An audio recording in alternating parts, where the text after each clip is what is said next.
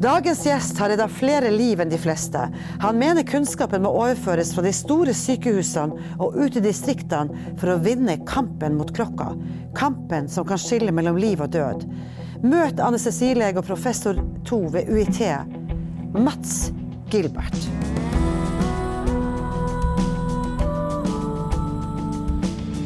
Observatoriet.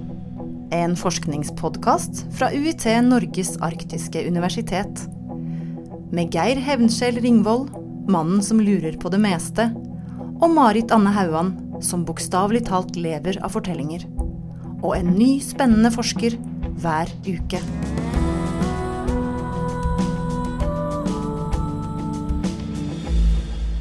Mats Gilbert, velkommen til oss. Takk.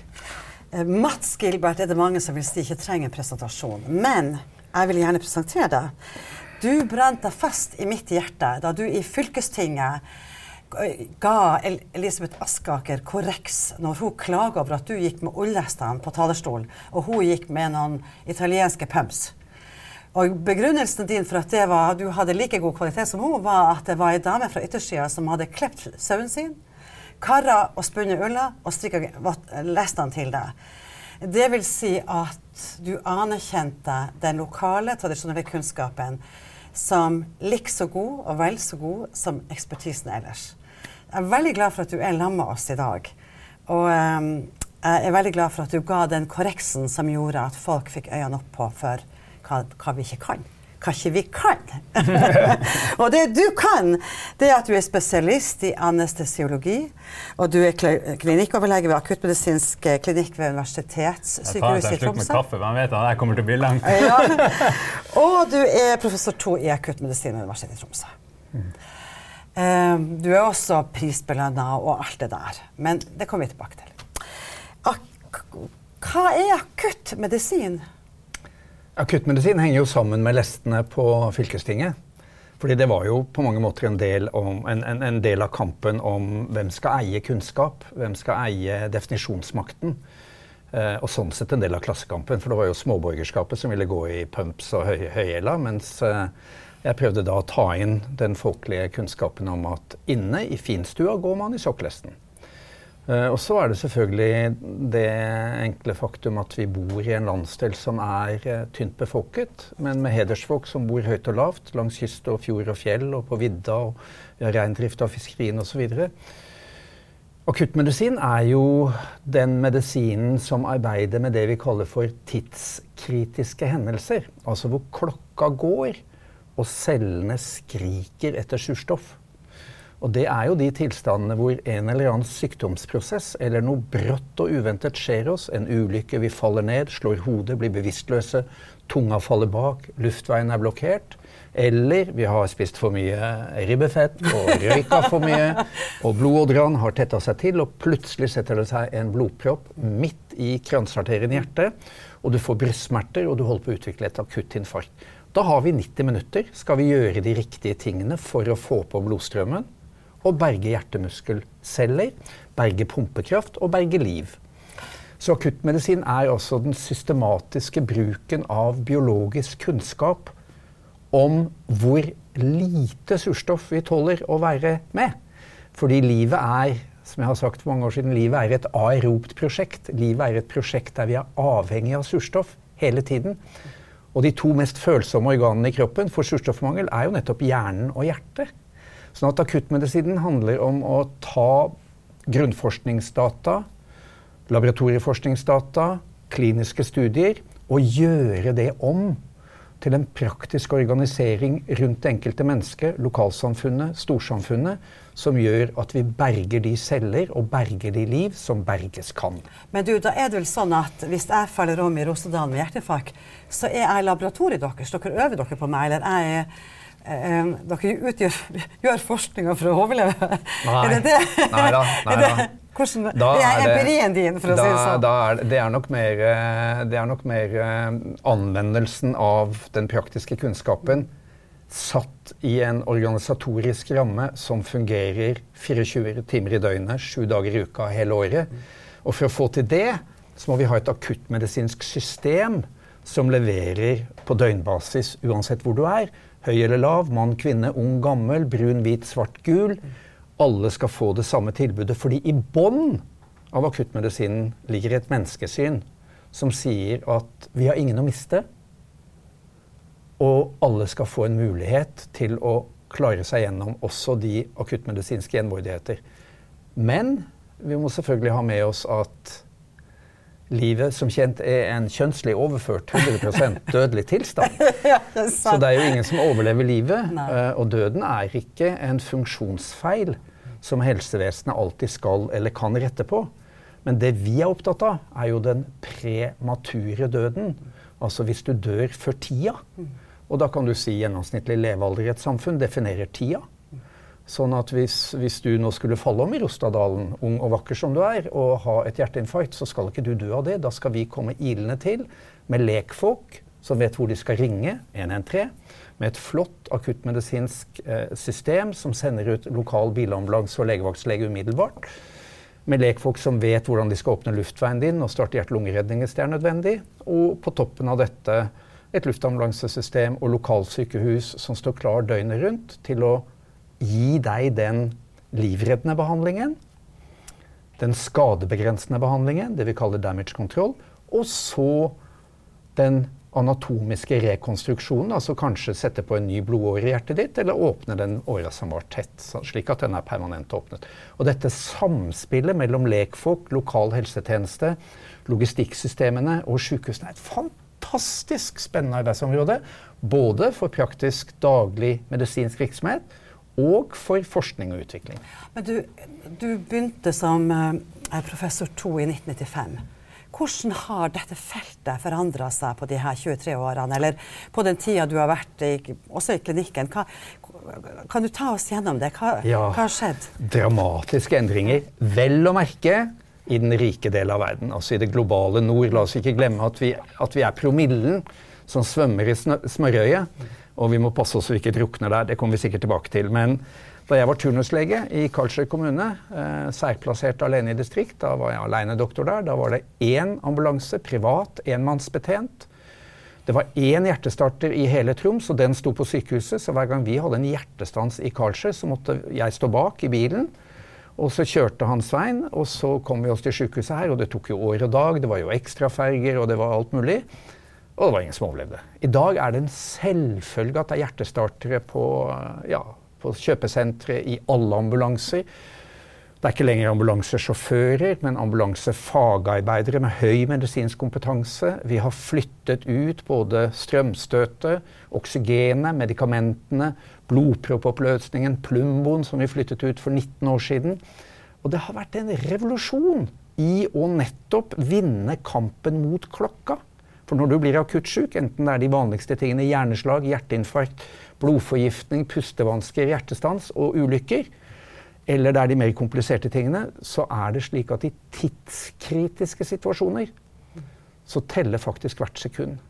Og, og forandringen har jo vært på to områder. Det ene er at vi har et mye sterkere akuttmedisinsk system i lokalsamfunnene.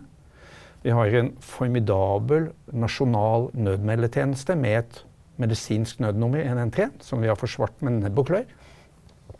Og vi har lokalsykehus og universitetssykehus med høyt kompetansenivå med døgnberedskap. Dette koster penger. Beredskap lønner seg ikke, men for det enkelte mennesket som blir sykt, om du nå fikk ditt hjerteinfarkt i Rostadalen klokka fem søndag morgen, så ville de på rørleggerverkstedet her inne, også kardiologene, invasivologene, stå klar med sykepleiere og full stab.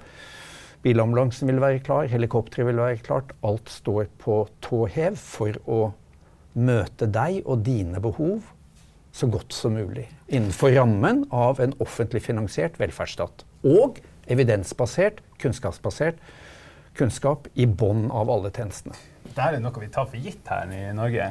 Det er litt sånn eh, fint å høre deg si det, for eh, jeg tenker i hvert fall ikke på det rundt i det daglige. Men det er jo litt, eh, for å sette det i perspektiv da, mot eh, sånn som det var i Karlsøy, eh, da du var der, og sånn som du sikkert opplevde andre plasser i verden, så er det en litt annen virkelighet. Og det er jo det eh, du har forska på. Og det er jo kanskje først og fremst derfor du er selv om det er mange ting du er kjent for, mange ting folk kanskje eh, kjenner til eh, om deg fra før av, men akkurat at, at du er forsker, eh, kommer kanskje litt nytt for noen, i hvert fall.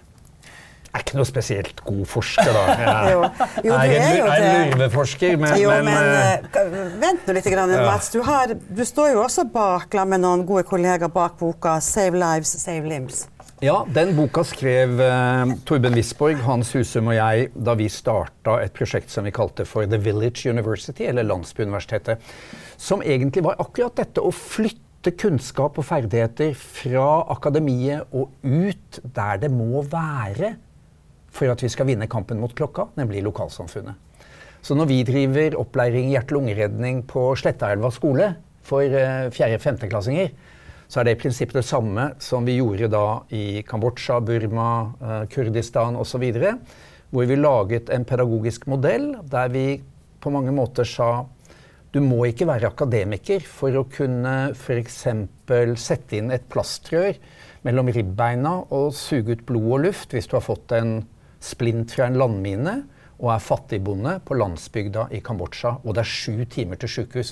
Da må noen få den lungen i vegg og få stoppa den blødningen. Hvis ikke så er pasienten daud når den kommer fram til sykehus. Så det vi gjorde var å lage en lærebok, en pedagogisk modell, og så forska vi på det prospektivt og så på hvordan dette virket på dødeligheten. Og vi kunne jo da vise at eh, dødeligheten prehospitalt, altså de som døde av mineskader, landmineskader, forferdelige våpen, som da ligger igjen etter alle mulige konflikter, de som, de som ble tråkka på landminer, fikk splintskade, begynte å blø, da lå dødeligheten på sånn rundt regna 40% før de kom til sykehus. For de døde av bevisstløshet, ufri luftvei, blødning og nedkjøling. Etter at landsbybeboerne, lekfolka og sykepleiere og medikere og barfotleger hadde fått opplæringen gjennom tre år, og begynte å jobbe med dette sjøl, eh, og kunne det. Kunne, kunne åpne luftveien, kunne stoppe blødningen uten å bruke torniké, kunne holde pasienten varm, gi smertestillende, gi litt intravenøst, stabilisere før de dro sju timer til sykehuset. Så droppa dødeligheten til under 10 Det er formidabelt. 8-9% i Kurdistan og i Batamang-provinsen i Kambodsja. Det er jo enormt. Det er jo som vaksine. Ja. Det, Og- Kambodsja er vel det mest minebelagte landet vi vet om? ikke sant? Ja, Kambodsja, Angola, Kurdistan, landminer. Det ligger jo fortsatt 120, landmi 120 millioner landminer rundt om, som er en annen viktig dimensjon ved helsetjenesten i det globale sør. For det er jo enormt, en enorm konfiskasjon av fruktbar jord. For det er så farlig å gå der, så du får ikke dyrka jorda. Hvilken type av mennesker var det dere eh, kursa opp i der? da? Var det noen dere retta dere spesielt mot? Ja, vi, vi brukte ganske lang tid på å finne de som da var helsearbeidere i det lokale helsesystemet. Så sånn sett så brøt vi med, med skal vi si, bistandsindustriens eh, litt sånn eh, koloniale modell. Altså den, den modellen som sier at det er bare vi hvite fra nord som kan ordne opp i dette her. Så vi spurte hvem er det som faktisk tar seg av disse minneskadene, hvor bor de? Og så måtte de være eh, de måtte ha tillit fra lokalbefolkningen, så vi brukte mye tid på å høre med landsbylederne hvem som hadde tillit. De måtte kunne regne og skrive. De måtte ha klinisk erfaring, og så måtte de være ikke korrupte. Ja, det er mye å be om. Ja, det var mye å be om. Men, men vi fant da eh, folk som var Og de var Noen av dem var sykepleiere. De fleste var mediker, som er en slags sånn ja, en barfotlegeutdannelse. Så var det én eller to leger. Noen tannleger. Men alle hadde det til felles at de bodde og jobbet lokalt i det eksisterende helsevesenet. I det kambodsjanske helsevesenet og i det kurdiske helsevesenet. Det var kvinner og menn. Kvinner og menn, eh, og med eh, lang erfaring og veldig mye klinisk kunnskap, men mindre systematisk tilnærming, tilnærming til eh, de akuttmedisinske problemene. Og så var det jo også sånn at de, de var veldig gode på å forstå de lokale situasjonene. Og det er jo, når du kommer utenfra, så er det jo ikke det. Altså Hvis det kom en gruppe kambodsjanere til Lyngen nå og sa at nå skal vi lære dere om snøskred, så ville jo alle le. Men, men til Kambodsja kom det jo i bøtter og spann med eksperter fra Europa og USA og sa ah, 'skal vi lære dere om mine landminer'? og når de spurte unnskyld, har dere landminer? Nei da, men vi vet hvordan dere skal gjøre det. Altså den derre koloniale Ja, kolonimaktas ekstreme arroganse i forhold til kunnskap, ferdigheter og potensialet til de som er lokalt. Sånn at vi sa også veldig klart etter tre år så drar vi, da overtar dere. Og boka er oversatt til ti-tolv språk og er en ferdig pakke. Vi har en betydelig eh, forskningsportefølje på det, publisert mye. Et par doktorgrader og mange artikler. Men ingen, ingen av de store bistandsorganisasjonene har tatt opp og bruker det. Fordi dette gjør jo oss hvite overflødige. Og jo, det er jo en av, de ting, en av de grunnene til at du har fått 12-13-14 priser, det er jo ditt arbeid eh, i Gaza. Og ditt, eh, ditt store engasjement i Gaza. Vi har jo bl.a. Fritt Ords honnørpris, flere Bys minnepris. Du har jo mange, fått mange priser for det. Men, og, og, vi har sett bilder der på TV og i aviser hvor du er inne i kampsituasjoner i Gaza, og hvor situasjonen for befolkninga er dramatisk, og selvfølgelig da også situasjonen for helsepersonell er dramatisk. Det skjønner vi. Vi skjønner at man kan gå inn der og være, hjelpende kraft.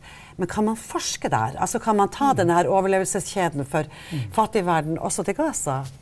Ja, eh, godt spørsmål. Jeg vil aller først understreke at jeg er ikke noe helt. Heltene det er de helsearbeiderne, sykepleiere, leger, ambulansepersonell, frivillige, medisinstudenter som nettopp står i disse situasjonene, det være seg i Kabul eller i Shalalabad i Afghanistan eller i Gaza eller i Libya, og som dag ut og dag inn, eller i Syria, står hos sine, yter sin befolkning livreddende førstehjelp, gjør hva de kan de har min aller dypeste respekt. Så jeg er bare en som kommer inn og, og prøver å være til hjelp der jeg kan. Det er et minimum anstendighet.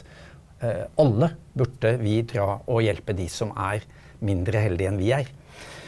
Sånn at heltene for meg, det er de som er i Gaza. Det er mine kolleger, legene, det er sykepleierne, ambulansepersonellet, Men jeg tar meg den friheten å velge mine helter sjøl, så du trenger ikke fortelle okay. meg at ikke du er min helt. Nei, ok.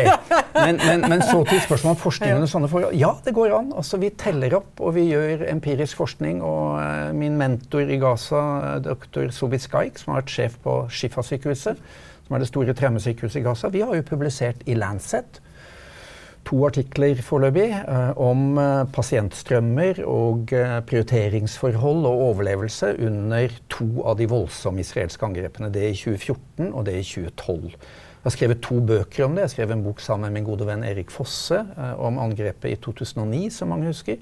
Og jeg skrev en bok nå om angrepet i 2014, som er på en måte et minimum av ansvar for en doktor som står i virkelighetens verden, det er jo også å formidle kunnskapen om hva det er som skjer. Fordi i angrepet i 2014 så drepte altså israelske styrker 556 palestinske barn i løpet av litt over 50 døgn. Det er ti barn i døgnet.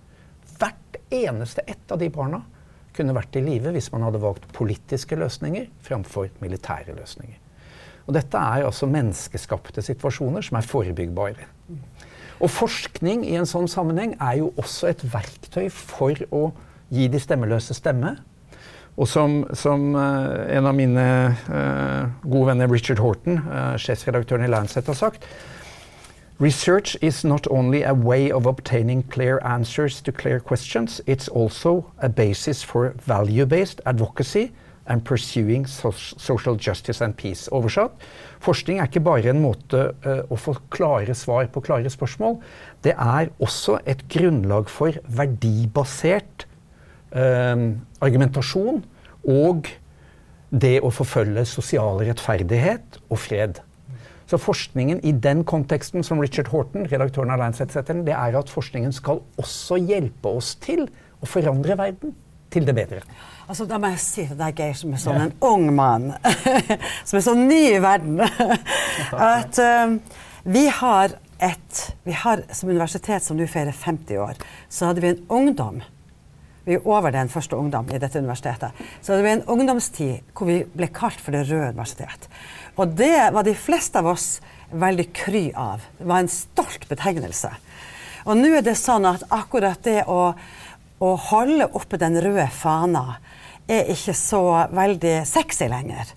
Det er noen få på universitetet som bruker den, den, røde fana som en av sine verktøy i kommunikasjon og yrkesutøvelse. Og det er altså Mats Gilbert. Det er derfor jeg sier at jeg, jeg bestemmer sjøl om jeg vil ha han til helt eller ikke.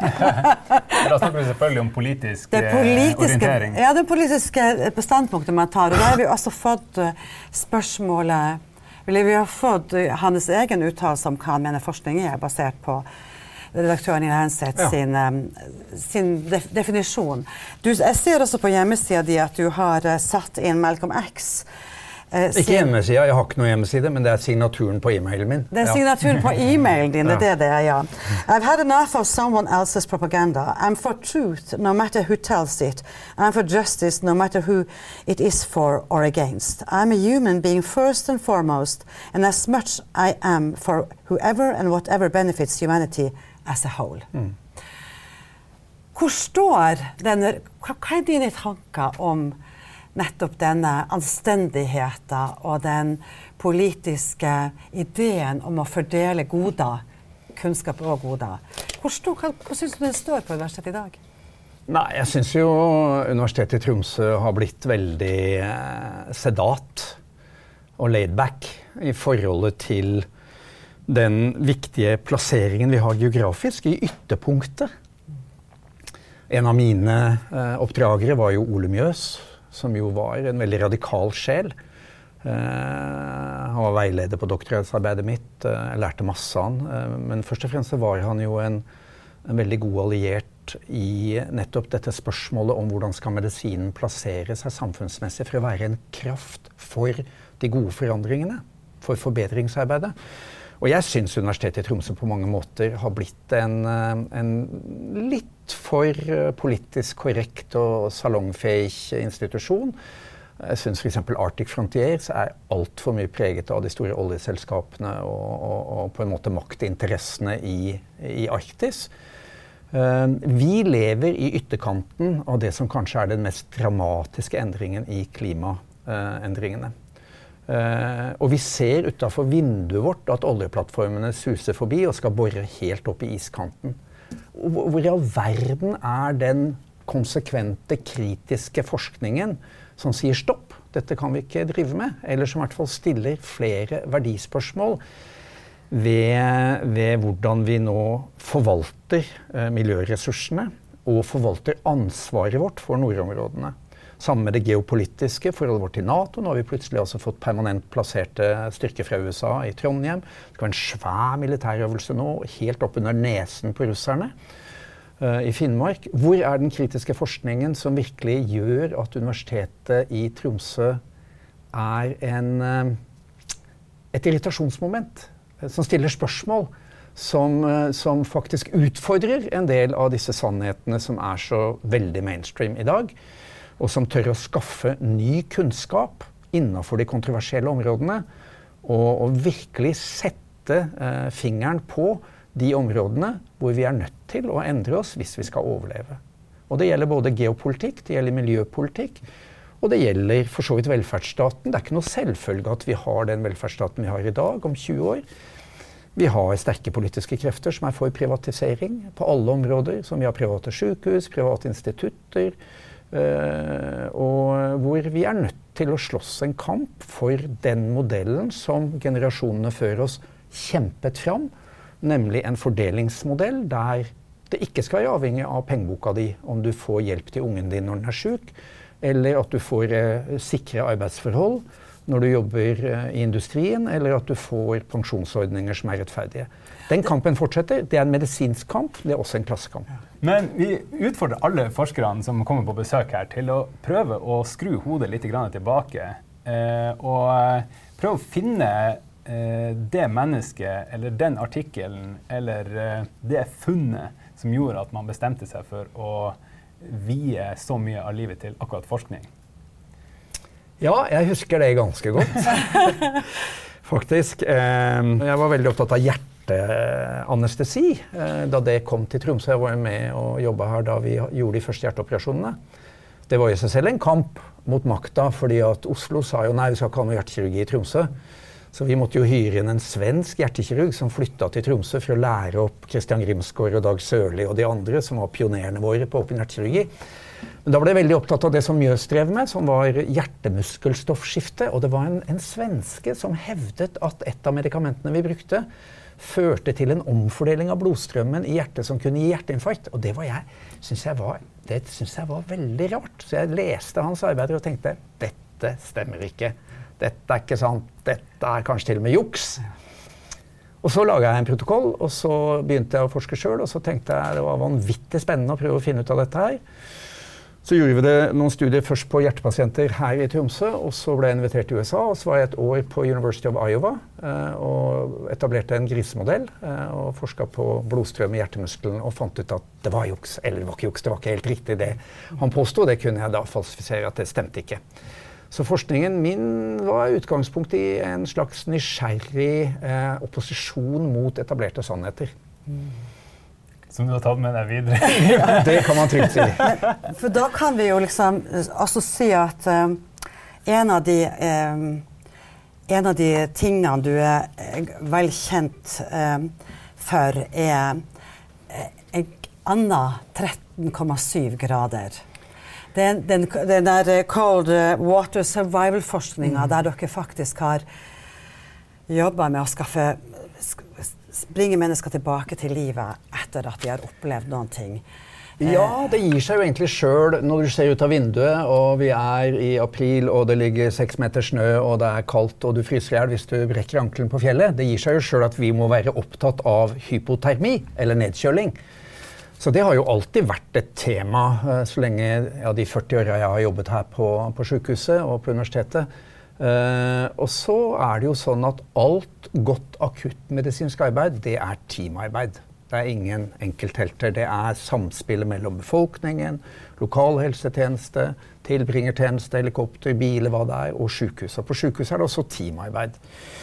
Og vi hadde forsøkt mange ganger å gjenopplive livløse nedkjølte som kom fra sjøen, fra havet, fiskere friluftsfolk som hadde blitt nedkjølt ute i naturen, og snørasofre.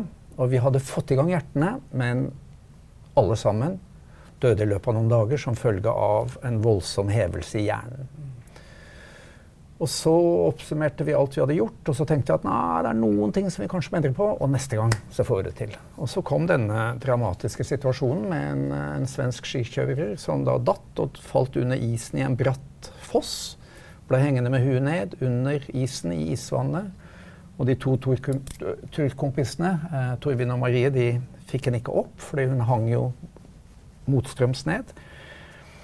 Ble etter hvert da reddet. Da var hun livløs, tatt opp. Startet hjerte-lungeredning av disse lokale eh, heltene. Mm. Eh, hentet med redningshelikopter fra Bodø og kom hit, landa her på sykehuset etter tre timers gjenoppliving. Og vi tok henne da på operasjonsstuen, sånn som vi gjør, koblet hjerte-lungemaskin. Hjertet sto helt stille. Hun var for alle praktiske formål død. Og hadde en kroppstemperatur på 13,7 grader celsius, som er det lavest målte på noen som har overlevd. Og så begynte vi å varme opp, og så begynte hjertet å slå. Tårer i øynene, gåsehud. Hvordan skal dette gå?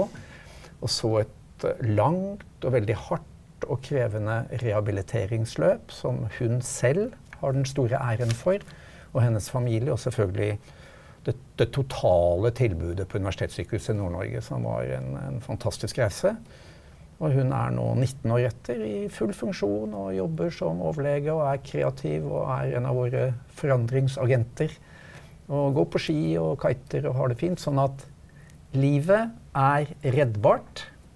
Kulde beskytter, og kulde dreper. Og dette har vi lært masse av. Og i dag så har vi en regional handlingsplan for livløse nedkjølte. Men, men hva var forskjellen? Altså, hva gjorde dere med hun som var så annerledes? Med de som fikk en hoven hjerne? Og, hvor, lang tid har vi? Ja. var det temperatur? Nei, var det... det... var litt med den totale akuttmedisinske ja. behandlingen. Ja. Vi ga mye mindre væske, vi dro ned på en del medikamenter gjorde ting litt, litt, litt annerledes. Og så kan det hende at hennes konstitusjon var uh, uvanlig sterk. Og så kan det hende at nedkjølingsmekanismen akkurat traff. Men etter henne så har vi hatt de overleverne vi har hatt, har alle sammen kommet etter den hendelsen. Og nå ligger vi jo på nesten 40% overlevelse etter nedkjøling med livløshet. Og vi har jo, vi har jo gjenopplivingsløp opp til åtte timer med overlevelse. Sånn at det er klart at kulden er en venn hvis du bare får, får den i riktig dose. Og at hjernen er kald nok før hjertet stopper. Fordi at Surstoffbehovet i kroppen synker med ca. 10% for hver grad kroppstemperaturen synker. Så sett nå at du synker fra 37 til 27, så har du i prinsippet ikke noe særlig oksygenbehov. surstoffbehov. Så da kan hjerte-lungeredning holde livet deg en god stund. Men alle må kunne hjerte-lungeredning. Voksen og gammel, barn og unge, alle sammen. Kunne åpne luftveien, sjekke om du puster normalt. Og hvis plan blå, altså hvis du ikke reagerer på tiltale, og ikke puster normalt etter at du åpner luftveien, da er du etter norsk definisjon livløs, og da starter du med 30 brystkompresjoner og to innblåsninger og holder på til ambulansen kommer. Om 50 år, nå feirer vi jo 50-årsjubileet til universitetet. Mm. Om 50 år, hvordan er den akuttmedisinske situasjonen? Kan vi alle dette? Altså, da håper jeg at vi på en måte har sluttet å, å, å på en måte perfeksjonere de ytterste fingerneglene våre, og at vi har flyttet vårt fokus mye mer til det globale sør. At vi har en studentkvote fra det globale sør medisin på la oss si 40 studenter per år. At vi har studenter som tar en del av den kliniske praksisen sin i det globale sør, Afrika, Asia, Sør-Amerika, Arabia at vi har et mye større fokus på internasjonal solidaritet og på praktisk bruk av Universitetet i Tromsø som en motor for internasjonal solidaritet og, og reduksjoner i forskjeller i helsetilbud. Det er min drøm. Var en vakker drøm. Asker tusen takk for at du kom. Takk for at jeg fikk komme. Tusen takk.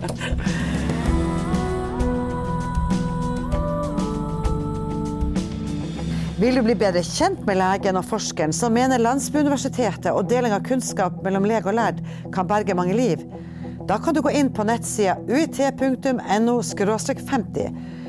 Allerede neste uke kan du møte en ny og spennende forsker ved UiT Norges arktiske universitet i vår podkast Observatoriet via Soundcloud eller andre podkastapper. Vi høres!